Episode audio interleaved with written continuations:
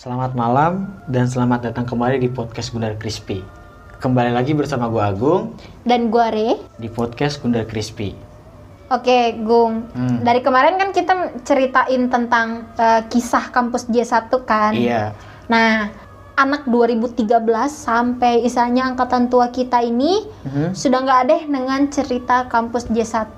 benar-benar. Ya. Banyak gak sih dari teman-teman kita yang tahu tentang backgroundnya dari si kampus J1, itu J1. sendiri? Mhm. Banyak yang nggak tahu kan? Nah, Iya. kita akan ngejelasin kisah atau bisa dibilang asal muasalnya J1 ini berdiri gitu. Oke. Oh ya kak, sebelum itu Mhm. kita kedatangan minum yang seger nih. Is, apa tuh Gung? Ini dari Limo Indonesia. Eh, yang best seller di Limo Indonesia tuh rasa apa sih? Ada dua varian rasa nih kak yang lagi best seller banget nih kak. Hmm, apa tuh? Yang pertama ada sereh limo dan juga sereh merah limo nih kak. Ih, seger nggak tuh? Seger banget, cocok banget nih buat kita berdua buka puasa nih kak. Wah, boleh nih. Eh, tapi gue ini kalau misalkan beli di ojek online gitu ada nggak sih? Ada dong kak. Oh, Cari oke, aja di Limo Indonesia. Tapi kalau buat lu yang dari stasiun nih yang deket Pocin tuh, Hmm? ada juga tuh standnya. Oke, ada standnya juga ya. Iya. Wah, sabi nih gue cobain. Oke. Sama harganya bersahabat juga kak buat mahasiswa. Lumayan lah ya. Iya, buat hemat-hemat. Oke kak, kembali ke ceritanya nih. J1 dulu adalah salah satu mall yang ternama di daerah Kalimalang. Waktu gua lewatin itu gedung, mallnya cukup bagus. Dulu cuma ngelewatin gedung itu dan belum pernah masuk sih ke dalam mallnya. Nah, pas tahun 2000 baru deh bentuk mall itu berubah. Gedungnya jadi gosong dan kotor. Gue denger-dengar cerita dari teman-teman tetangga gue kalau di tahun kerusuhan 98 mall tersebut dibakar dan banyak orang yang dibakar hidup-hidup di sana. Setelah insiden kerusuhan mereda, gedung tersebut langsung dikenal angker. Jadi nggak heran nih kalau di J1 banyak yang aneh-aneh karena memang memiliki sejarah yang kelam. Oh iya kak, menurut lu dari sejarah yang tadi gue bacain tentang J1 gimana tuh kak? Oke, gue ngilas balik ya. Mungkin eh, cerita ini istilahnya kayak legenda ini Iya. eh, hitungannya legenda lah ya. Iya. Buat anak-anak Kalimalang, Mhm. Eh, udah bukan hal yang tabu lagi bagi mereka tahu tentang kisah dari si J1, J1. ini ya. Karena kan kita perlu mengenal background eh, satu bangunan dulu ya, Iya. tempat kita kuliah. Itu memang betul. Jadi eh, tahun 98 itu kan zaman-zamannya eh, Orde Baru Iya. dan terjadi kerusuhan yang lumayan cukup Iya, besar-besaran. chaos juga sih. Betul, mall dijarah, istilahnya sampai ada yang Hmm. dibakar.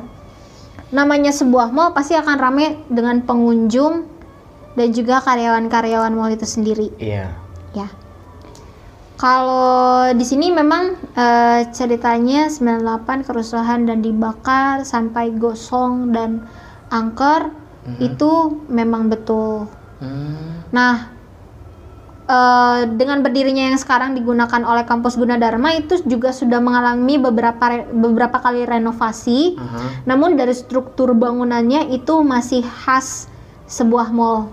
Oh. Jadi kalau misalkan teman-teman eh, yang dari Depok nih atau dari Cengkareng atau misalkan dari Karawaci gitu datang ke kampus J itu pasti bangunannya berbeda dengan kampus-kampus yang lain untuk struktur Hmm, bangunannya iya, ya iya, iya.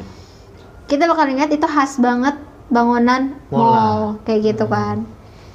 Jadi gini, mengingat kita pernah ngebahas waktu itu yang di J1 yang praktikum, Iya, iya. ya gua kan pernah ngejelasin bahwa di situ ada eh, perempuan Iya, eh, yang dipanggil, oke, kondisinya kan sudah kebakar setengah. iya kebakar setengah dan gue bilang itu korban kebakaran. Nah, iya.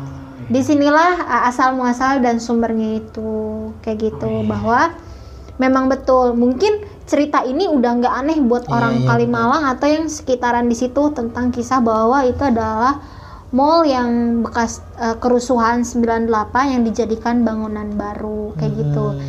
dan uh, gue sempat waktu itu gue pernah main ke Kalimalang Iya. beberapa kali eh, ada event waktu itu Eh, itu pasti teman-teman eh, tahu di samping J1 pasti teman-teman udah tahu lah samping J1 itu ada sebuah eh, swalayan Mhm. yang lumayan cukup terkenal lah ya Iya. Nah, sampingnya itu ada deretan ruko-ruko. Tahu, biasanya tahu. tuh anak kampus kalau nggak dapet parkir di dalam, parkirnya di situ. Iya.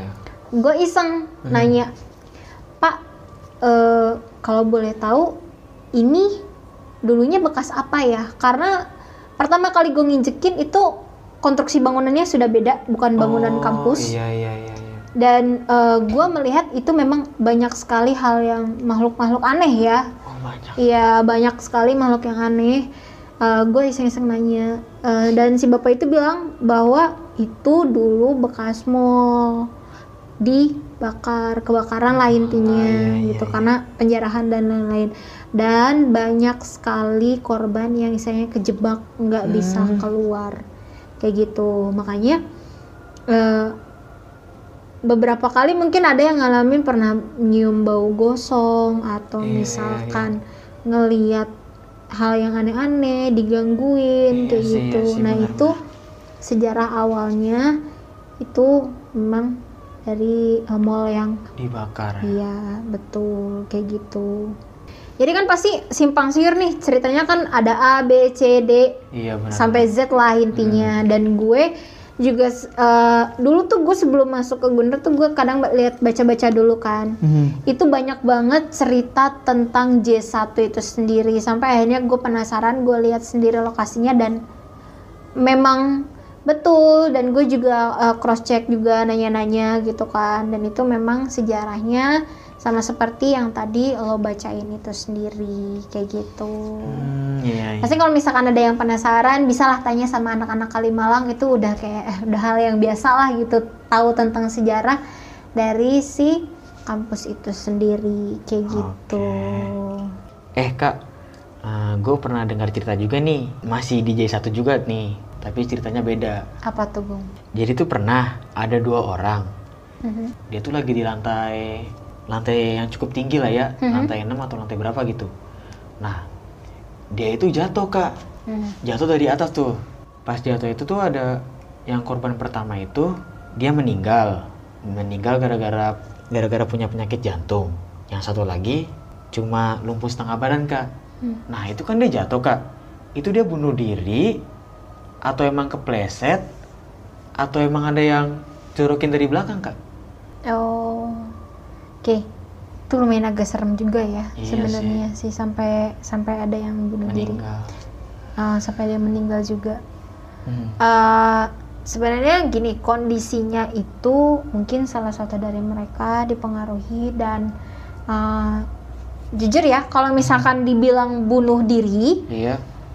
itu kampus kondisi rame Iya. banyak orang juga Mhm. betul kan Mhm. nah biasanya yang seperti itu bisa dipengaruhi juga oleh makhluk astral atau dicailin didorong gitu Oh, karena kan kita lihat kalau misalkan di lantai atas itu pasti ada yang namanya pembatas Iya.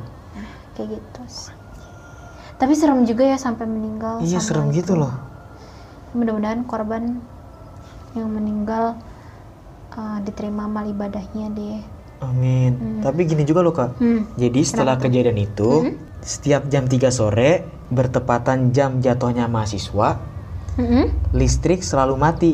Oke. Udah banyak mahasiswa angkatan gua yang malas lewat lift kalau udah jam 3 karena bakal berhenti di tengah-tengah. Oke. Ya, jadi kan uh, di situ lo ngejelasin tiap Jam bertepatan jam 3 bertepatan dengan jatuhnya si korban, Iya. itu listriknya mati. Mhm. ya kan? Sebenarnya gini, kalau misalkan seperti itu adalah langkah preventif dari pihak kampus atau Oh. pihak gedung Mhm. untuk eh, bisa dibilang ngusir secara halus mahasiswa yang berkegiatan di lantai atas itu sendiri, Iya. kayak gitu.